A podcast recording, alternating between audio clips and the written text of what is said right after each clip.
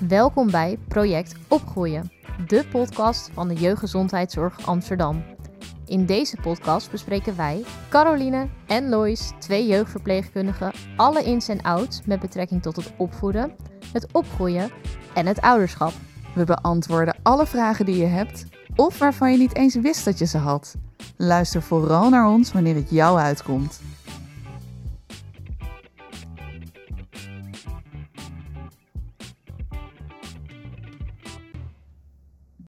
Daar zijn we weer. Wat staat er voor vandaag op de planning? Vandaag gaat de aflevering over slaap bij kinderen in de leeftijd van 6 maanden tot 1 jaar.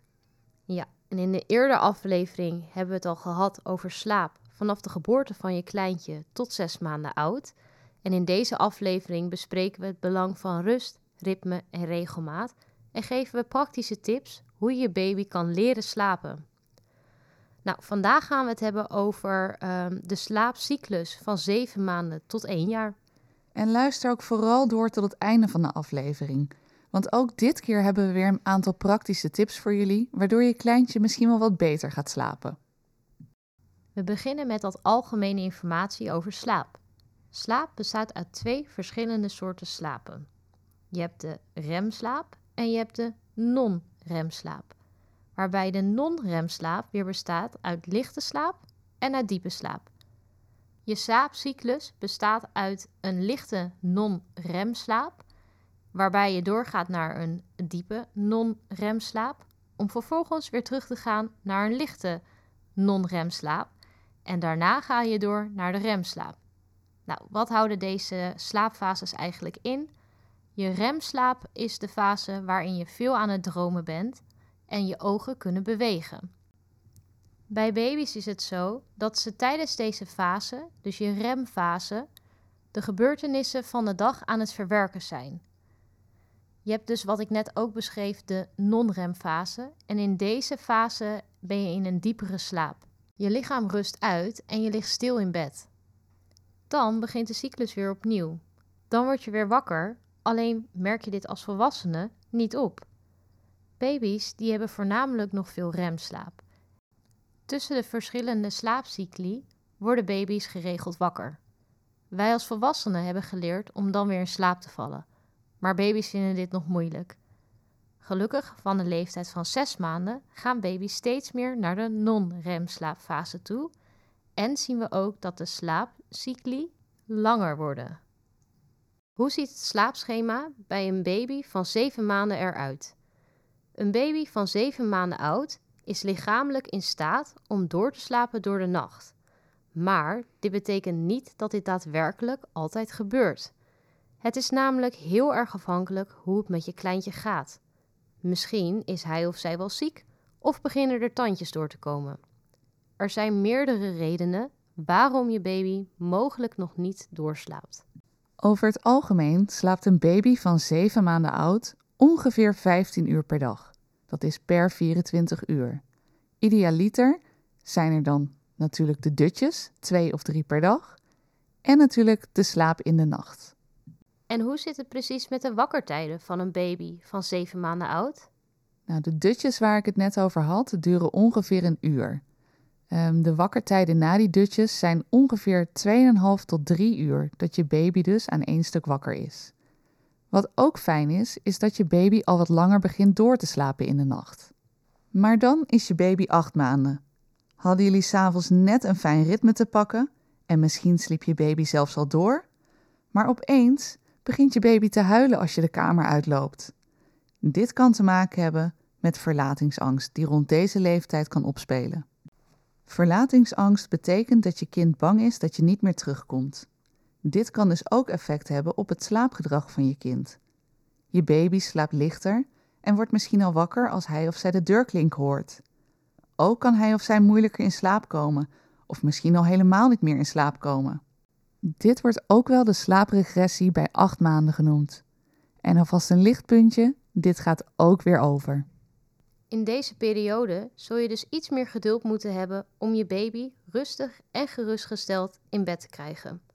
Aarzel vooral niet om een knuffel te geven of je baby in bed te leggen met een muziekje om hem gerust te stellen. In de achtste maand is het gewoon wat ingewikkelder als het om slapen gaat. En de onrustige nachten is iets wat erbij hoort en heel normaal is. In de leeftijd van 9 maanden en 10 maanden vinden er heel veel ontwikkelingen plaats bij je baby. Ze leren onder andere omrollen, kruipen, zitten en ze gaan de wereld om hen heen steeds meer ontdekken. Al deze prikkels moeten ze natuurlijk verwerken, waardoor het mogelijk is dat ze meer gaan dromen en hierdoor af en toe huilend wakker worden en onrustig slapen. Natuurlijk is elke baby anders. Het kan zo zijn dat jouw baby meer slaap nodig heeft dan bijvoorbeeld de baby van je beste vriendin. Inmiddels heb je waarschijnlijk een routine gevonden die werkt voor jou en jouw baby. Een routine werkt ook het best als je consequent bent. Daarom volgen hier een aantal cijfers waarop je je slaaproutine kan baseren. Een baby van 9 à 10 maanden oud doet ongeveer nog twee dutjes per dag. Die dutjes zijn samen 3 uur. En in de nacht slaapt je baby ongeveer 12 uur. Veel ouders merken dat een baby bij de leeftijd van 11 maanden in een flinke sprong zit. Een sprong is een belangrijk moment in de mentale en de lichamelijke ontwikkeling van je baby. Als voorbeeld gaat je baby in deze periode beginnen met zwaaien en wijzen en wilt hij of zij al meer zelf gaan eten. Daarnaast is het ook mogelijk dat ze steeds meer geluidjes gaan maken, zoals boem, au, oh-oh, die en da. Deze ontwikkelingen zijn natuurlijk super positief, al kan het zo zijn dat het de slaap helaas even in de weg gaat zitten. Als je baby van 11 maanden opeens minder goed slaapt, kun je kijken naar hoe jouw dag eruit ziet, dus de dagindeling of je dagroutine. Overdag heeft je baby al veel minder slaap nodig dan tijdens de eerste paar maanden.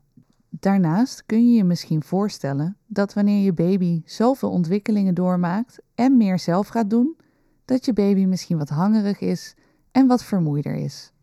Veel ouders ervaren dit als een pittige periode. Het is vooral belangrijk dat je consequent blijft in je al gecreëerde routine. Dit is namelijk voor jou en je baby herkenbaar en dit zorgt ervoor dat je zo snel mogelijk door de sprong komt. Dan is het nu tijd voor feit of fabel. De eerste stelling. Als je baby in bed ligt en hij huilt en je reageert daar altijd op, dan leert hij dat hij aandacht krijgt door te huilen. Dit is een fabel. De hersenen van je baby zijn nog niet volledig ontwikkeld. Je baby kan nog geen verband leggen tussen zijn huilgedrag en dat jij reageert hierop en naar de slaapkamer van je baby toe gaat. Daarnaast kan een baby nog niet praten.